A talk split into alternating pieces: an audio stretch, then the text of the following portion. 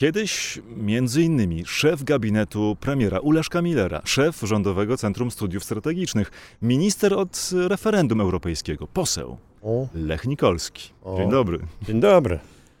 A, to jak pan tak wymienia, to lećmy dalej. Kiedyś, wie pan też, sekretarz premiera Józefa Oleksego, sekretarz Komitetu Społeczno-Politycznego, przedstawiciel premiera Cimoszewicza w tym komitecie. No to Wie pan- wymieniajmy dalej i przed pan, z- 89 nie, nie, z roku. Belką też, wie pan, współpracowałem Markiem, także z czterema premierami. Przed 89 rokiem działacz młodzieżowy ZSMP, przewodniczący zarządu wojewódzkiego w Białej Podlaskiej, w fajnym mieście. A dzisiaj em, tęskni pan? Nie.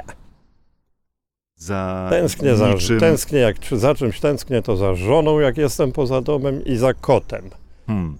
Kamery, mikrofony, dzwoniące telefony, gabinety, limuzyny, oklaski. Nie. Wie pan, owszem, to czasem. A, czasem to daje radość, ale mm, e, ja pamiętam, jak kiedyś taki komunikat dałem chyba w Japab do prasy, że już nie będę kandydował. Jeden z państwa kolegów, a, nieważne z której redakcji, nie pamiętam zresztą, przyszedł w kuluarach Sejmu i się mnie pyta, a dlaczego pan już nie chce kandydować? I, i, i ja wtedy zupełnie szczerze mu powiedziałem, że to, to dlatego, że, żeby nie odpowiadać już na takie pytania. Hmm. Ale za poczuciem władzy na pewno pan tęskni. Nie, nie. Nie, pan, no władza to jest, władza, to jest przede wszystkim duża odpowiedzialność. To jest, to jest mnóstwo pracy. Ja już miałem tego dość. 20 lat e, e, z mniejszym czy większym dostępem do, do, do władzy to naprawdę wystarczy. Hmm. Myśli pan, że po latach y, wyczyścił, oczyścił się pan już z brudu, którym oblepił się pan w czasie y, afery Rywina? A wie pan, ja się niczym nie oblepiłem, to mnie próbowano oblepić. No. E, więc ja się akurat, wie pan, sam z tego nie oczyszczę. No, w tym sensie, że to nie jest brud, który ja tam kładę. E, to inni muszą e, sobie dać z tym radę. A było jakieś postępowanie. Ja sam zgłosiłem do prokuratury e, samo oskarżenie, że proszę bardzo, jeśli jestem winny, to proszę mnie wsadzić. Prokurator, prokuratura umorzyła to postępowanie, powiedziała, że nie ma tu żadnych podstaw, żeby to robić, więc dla mnie sprawa jest zamknięta. A wciąż po latach piszą o panu polityk y, skompromitowany w aferze Rywina. Wie pan, to ja zależy, kto tak pisze. I dla wielu już tak zostanie. Trudno, to już nie mam na to, nie mam, e, nie mam na to wpływu, ale to jest kamyczek do państwa ogródka, a nie do mojego. A nie tylko pewnie na, naszego dziennikarskiego, no bo przecież Sejm się tą sprawą zajmował. No i co? Powstał raport i w No tym i raporcie. No i po tym raporcie, te, i ten raport zaniosłem do prokuratury własną, e, własnymi rękami i powiedziałem, tu mówią, że jestem przestępca, proszę mnie ukarać. I prokuratura powiedziała, że nie jestem przestępca. Umorzyła tą sprawę. Dlaczego to do was nie dociera? No, ten raport y, komisji przez Sejm ostatecznie przyjęty zawiera takie zdanie. To No, przypomnijmy tym, no. którzy pewnie być może nie pamiętają. W oparciu o zgromadzony w toku prac Sejmowej Mm. Komisji Śledczej materiał dowodowy No. należy stwierdzić, że złożenie w lipcu 2002 roku Mm. przez Lwa Rywina propozycji korupcyjnej przedstawicielowi Agora S.A.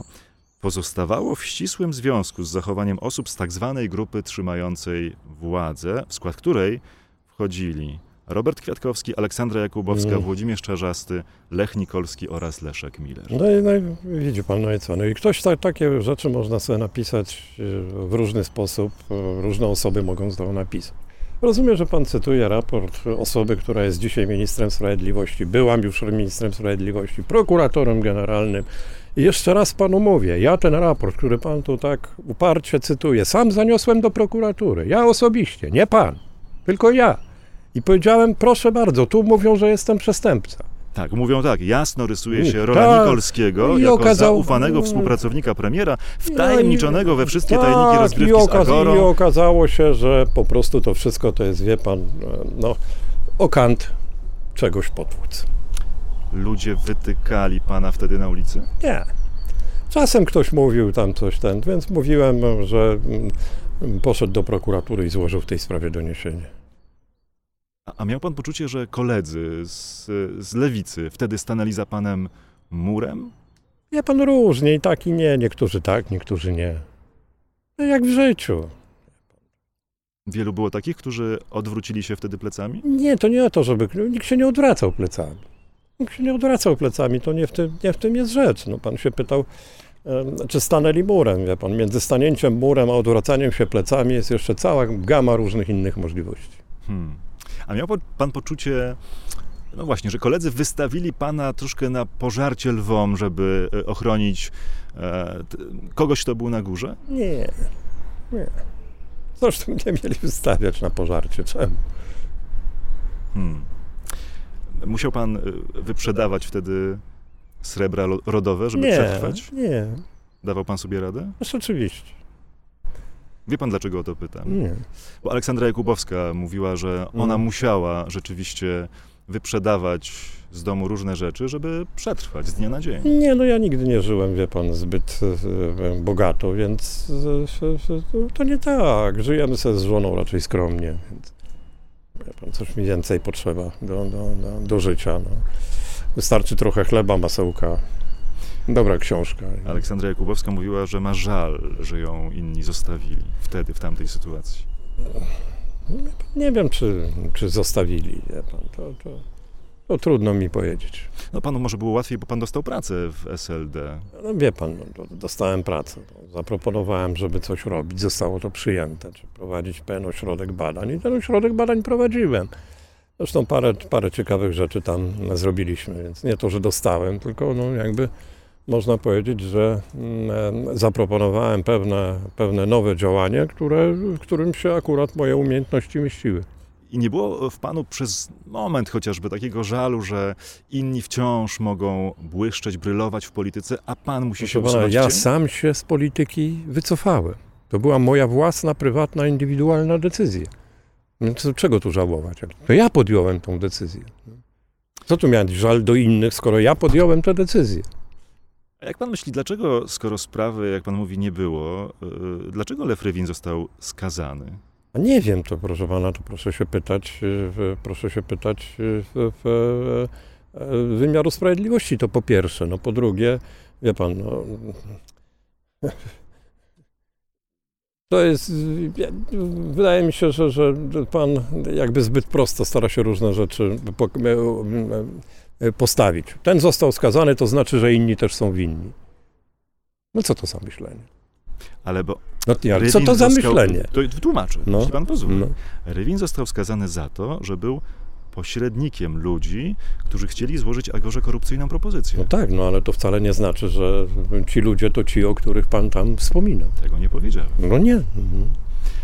Byli też tacy, którzy mówili, że owszem, może rzeczywiście nie było żadnej afery Rywina, e, bo tak po prostu wtedy w polityce było, że to, co wtedy zobaczyliśmy przy tej okazji, było pewnym stanem obyczaju. No, że tak się załatwiało jak- sprawy. Ale jakim stanem obyczaju?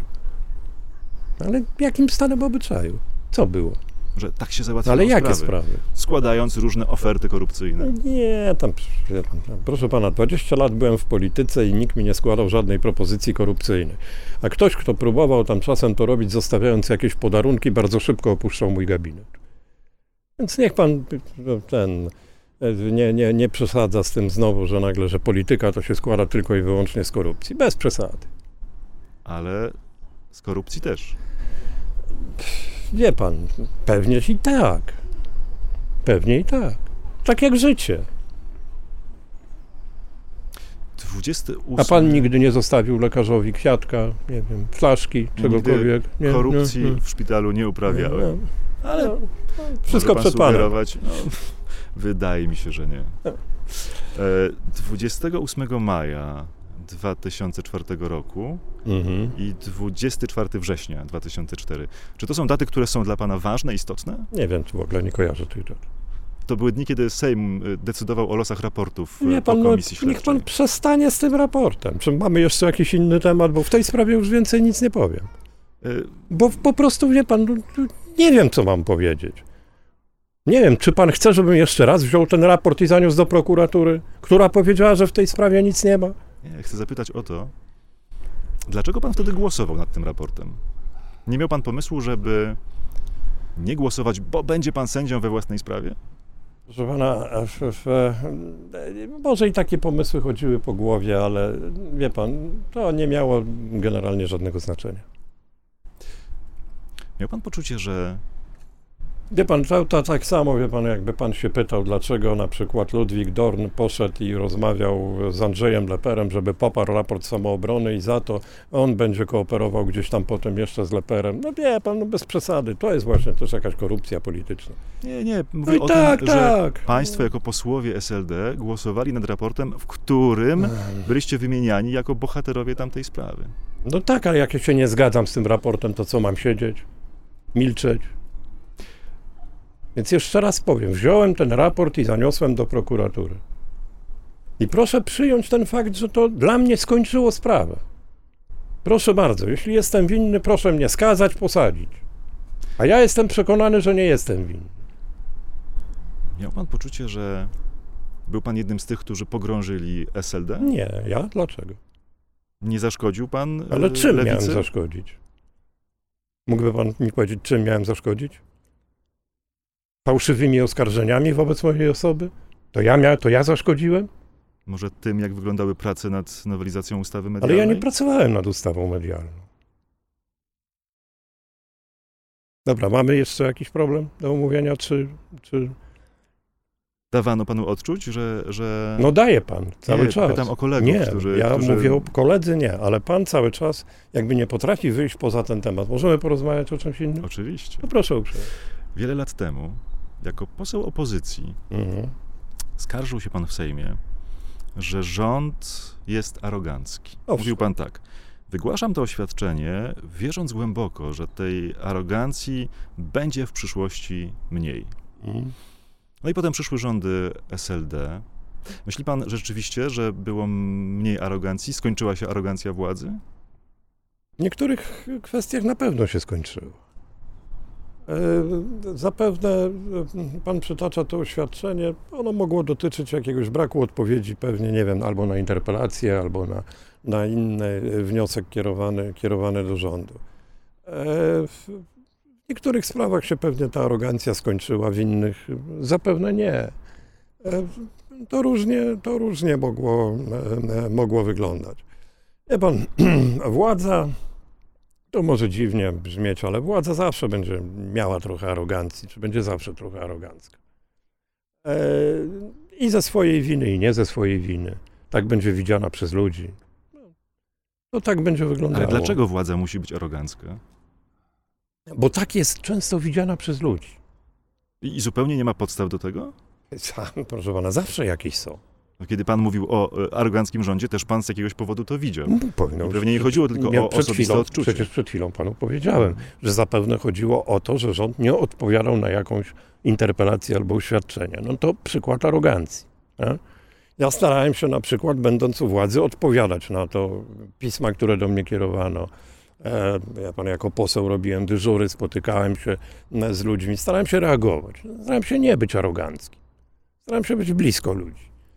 I raz wychodziło lepiej, raz pewnie wychodziło gorzej. A widywał pan arogancję w rządzie, w którym pan e, pracował? E, Pewnie tak, jakiegoś przykładu w tej chwili nie potrafiłbym panu powiedzieć, ale, ale wie pan, tak jak powiedziałem, no każda władza jest zazwyczaj trochę arogancka. No. A I jak, tak, jest, tak, tak, tak bywa odbierana. No. jak pan sobie tłumaczył y, po rządach SLD Mm. ten zjazd y, i sondażowy, i w wyniku wyborczym, no bo ten początek rządów 2001 rok, jeśli o Mhm. tym rządzie mówimy, to jest ponad 200 posłów SLD Mhm. UP w Sejmie, a Mhm. kolejne wybory 55.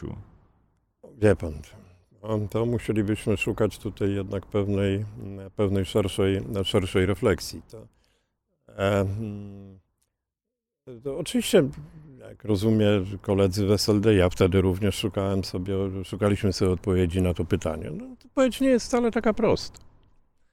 Odpowiedź na to pytanie nie jest wcale taka prosta, jakby się wydawało, że to mm, właśnie mówi, taka czy inna afera. Nie, one się przyczyniły do, tego, do tej straty poparcia, ale, ale, ale nie były decydujące. Według mnie ludzie uznali, że jest potrzebna zmiana, że SLD swoje zrobił. Niejako przeprowadził trochę ludzi przez ten okres transformacyjny, wprowadził Polskę do Unii Europejskiej i koniec. I wystarczy tego dobra. tak. SLD już dobro zrobiło, niech inny Nie, ktoś zrobi nie dobro. dobro, nie, tylko że SLD spełnił swoją rolę. Tak, tak jak w okresie transformacji trochę chronił ludzi przed y, nadmiernie, no, nazwijmy to, mm, taką liberalną polityką. E, Nie ma co ukrywać, że przyspieszył e, końcówkę negocjacji do Unii Europejskiej. Nie ma co ukrywać, że przeprowadził czy zorganizował udane referendum w tej sprawie. Więc skończył pewne rzeczy. Można powiedzieć, że ludzie uznali, że jakiś okres, który lepiej czy gorzej nazywamy transformacją, dobiegł końca, że jest skończony. No jak się skończył, no to tym, którzy to robili, dziękujemy, zaczynamy od nowa. Ale gdyby ludzie myśleli, że dobrze rządzicie, to chcieliby, że, żebyście rządzili dalej. Chcieli zmiany. Powiedziałem, Ale chcieli. zmiany dla zmiany, czy Chcieli- zmiany z powodu tego, że im się coś nie chcieli, podoba? Nie, chcieli zmiany. Zmiany także z powodu kłopotów ekonomicznych, które wówczas były. Bo były wcale nie małe. No. Stosunkowo wysokie czy bardzo wysokie bezrobocie, dopiero się przecież ożywiająca, ożywiająca gospodarka. Ludzie chcieli zmian. Jak pan myśli, jaki był Czy pan myśli, że poparli ten, że, teraz poparli PiS y, dlatego, że była w Polsce ruina? No nie, chcieli zmiany. Zmiany polityki, Chcieli- chcieli zmiany. stylu rządzenia? No chcieli zmiany, po prostu. Hmm. Jak pan myśli, jaki był największy błąd lewicy po 1989 roku? Błąd polityczny?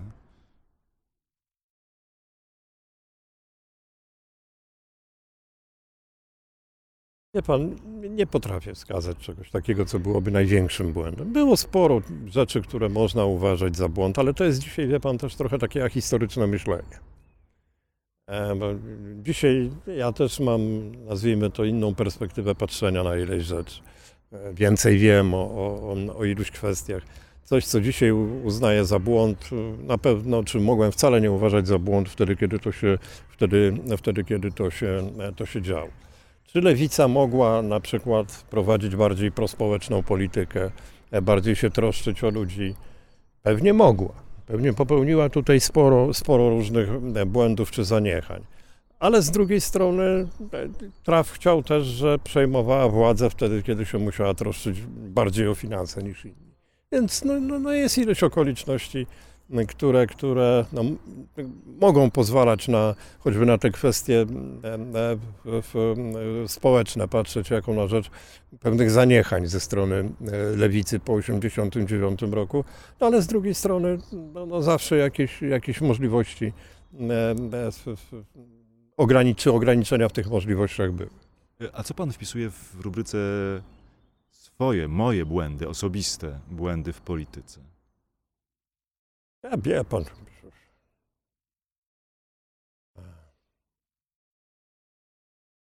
Może wie pan na przykład w pewnym momencie nadmierną aktywność w tej polityce. Czy takie spalanie się, wypalanie. No, można było parę rzeczy robić ostrożniej, spokojniej, nie, nie angażować się tak personalnie, osobiście. To, to, to, to na pewno. Tak. Może to, że sobie nie wybrałem też, wie pan, jakichś takich spraw, którymi sam bym się zajmował. Może to był jakiś, jakiś tego typu, tego typu błąd. Może, wie pan, no ileś spraw, których też tak się nie udało do końca doprowadzić. Na pewno było tego sporo. Prezydent Aleksander Kwaśniewski y, mówił kiedyś o panu tak. Lech Nikolski jest człowiekiem świetnie zorganizowanym, bardzo skoncentrowanym, potrafiącym pracować niemalże całą dobę. Słowem, robot, nie człowiek. Oj, robot, nie człowiek, wie pan. No właśnie to to chodzi. No jak trzeba coś było zrobić, to, to trzeba było zrobić. Wie pan, pamiętam, jak kończyliśmy, no to są lata, że 90, 1996 rok, więc dla pana jest, wie pan, prehistoria. Piękna młodość. Piękna. A. E, Kończyliśmy konsultacje reformy ubezpieczeń społecznych. No i zostałem z plikiem dokumentów, które jakoś tam fragmenty konsultacji opisywały, mm, e, z e, raportami z badań społecznych, no ale nie było dokumentu gotowego na, na posiedzenia rządu Komitetu Społeczno-Politycznego Rady Ministrów.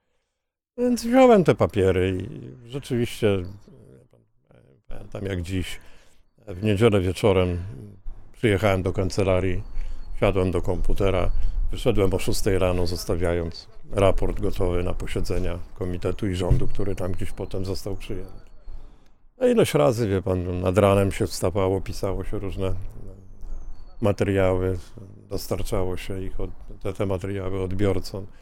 Więc no, rzeczywiście, no tam nie ukrywam, że, że trochę, trochę intensywnie. No zresztą panu wspominałem o tej intensywności, o tej, tej intensywności pracy.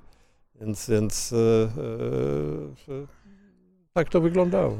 Mówili o panu minister zadaniowy. E, chodziło Tak. między innymi o, o referendum, które A, e, przygotowywał pan, jeśli chodzi o kampanię informacyjną przed tym referendum. Przeraził się pan, y, kiedy dostał to zadanie, żeby namówić Polaków, by zechcieli chcieć być w Unii Europejskiej? Nie, przerazić się nie przeraziłem, natomiast pan, może tak, zdawałem sobie sprawę, że to zadanie to wcale nie jest takie łatwe. No bo to nie było oczywiste, że Polacy powiedzą tak e, Nie, Unii że, Europejskiej. Że, że, mm, oczywiście każde badania mówiące o potencjalnej frekwencji to są przesadzone, więc, więc ja miałem tego pełną świadomość. No ale wie pan, fajne wyzwanie. No tak, ale No, było fajne. jasne, było jasne, że jeśli się uda, to wszyscy będą po kolei wypinać Dokładnie. pierś do orderu, a Dokładnie. jak się nie uda, to spalą na stosie. Ale dokładnie. Lecha Nikolskiego. Miałem, miałem absolutnie świadomość, że jestem pierwszy winny porażki. A to ma pan tu absolutnie rację. Ta świadomość była we mnie od samego początku, że jestem pierwszy winny e, w przypadku jakiejś porażki. Ale wie pan, bardzo fajna e, e, praca wtedy. Mnóstwo kontaktów z ludźmi w terenie. E, Bardzo to mile wspominam. Notabene książkę o tej kampanii napisałem. E, Uznałem, że muszę to zrobić właśnie te, te emocje, które we mnie wtedy tkwiły, przeka- przelać na papier i Moja droga do, do referendum europejskiego, tak.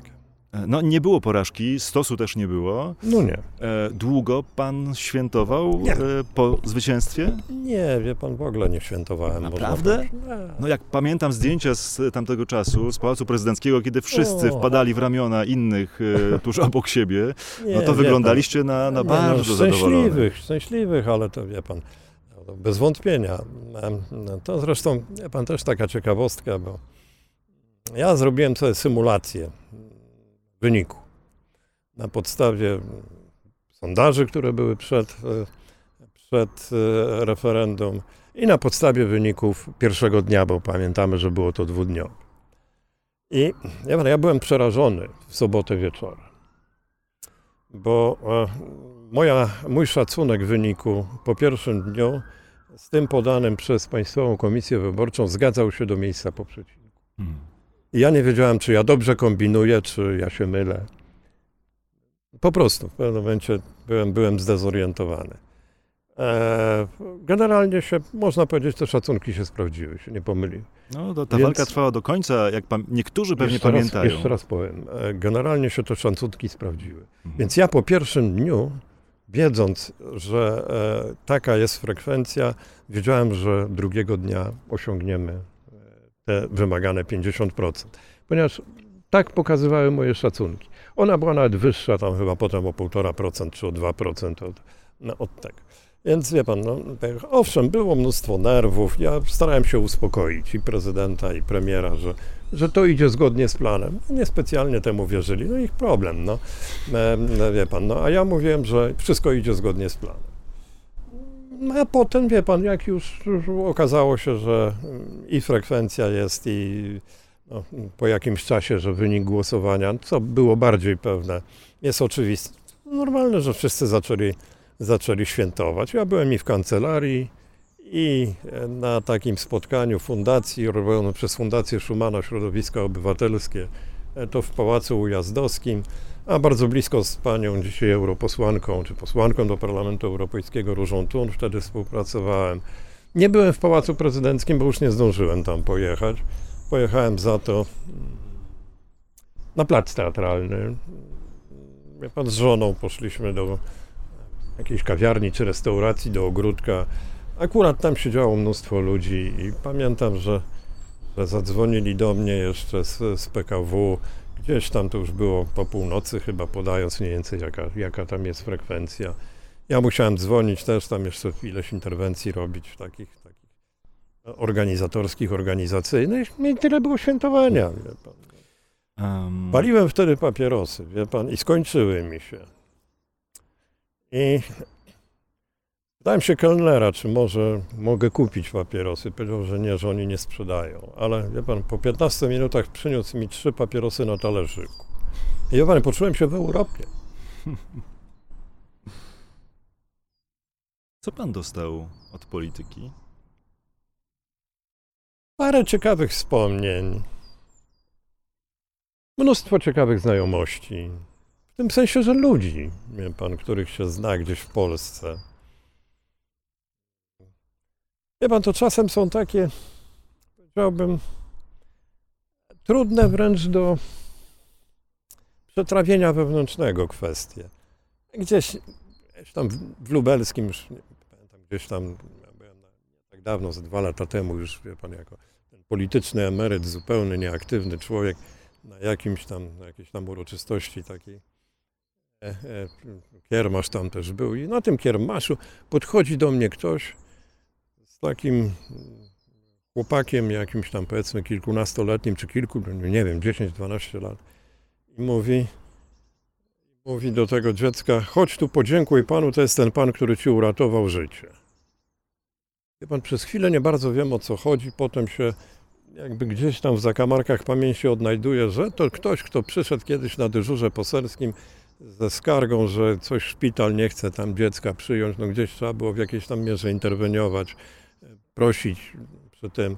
No i dzisiaj ktoś przychodzi i chodź, zobacz, to jest ten pan, który ci uratował życie.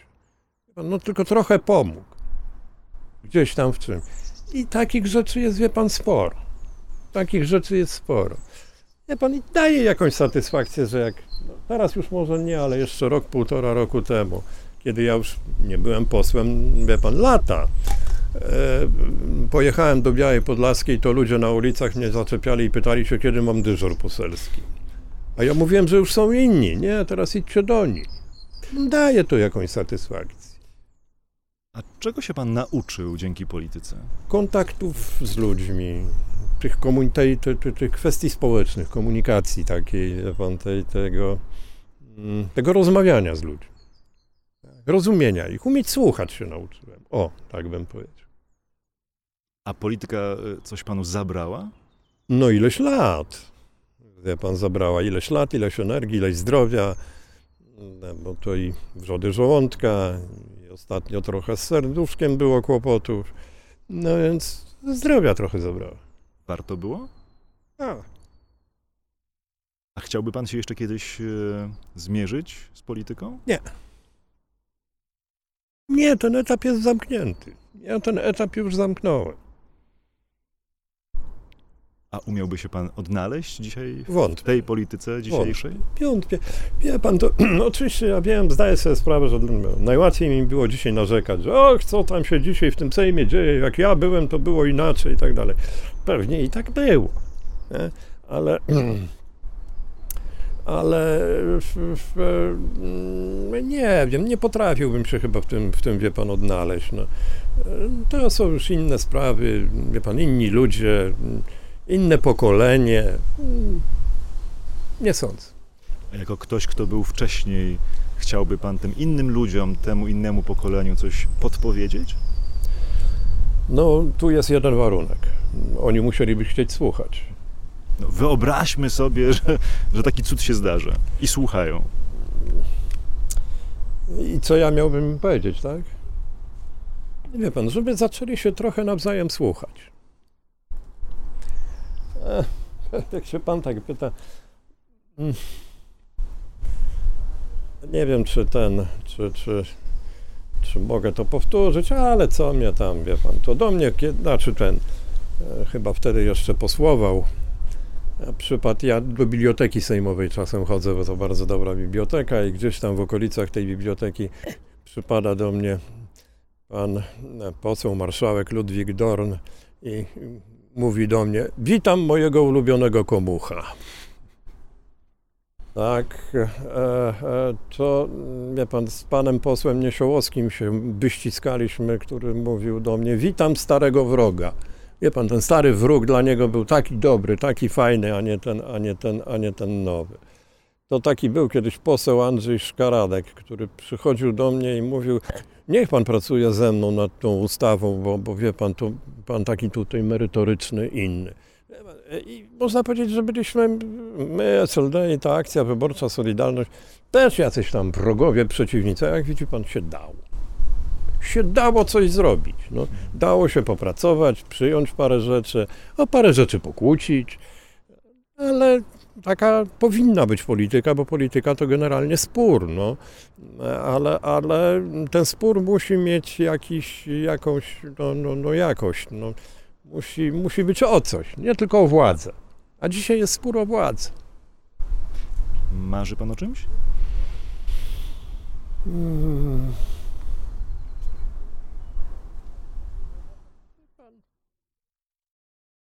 Nie, chyba teraz. Nie, pan, to, to spokoju, jakimś tam spokojnym dokończeniu swojego żywota. O, jeśli o czymś marzę, to o spokojnym dokończeniu żywota. A o tym, żeby gdzieś sobie spokojnie siedzieć, czytać dobre książki.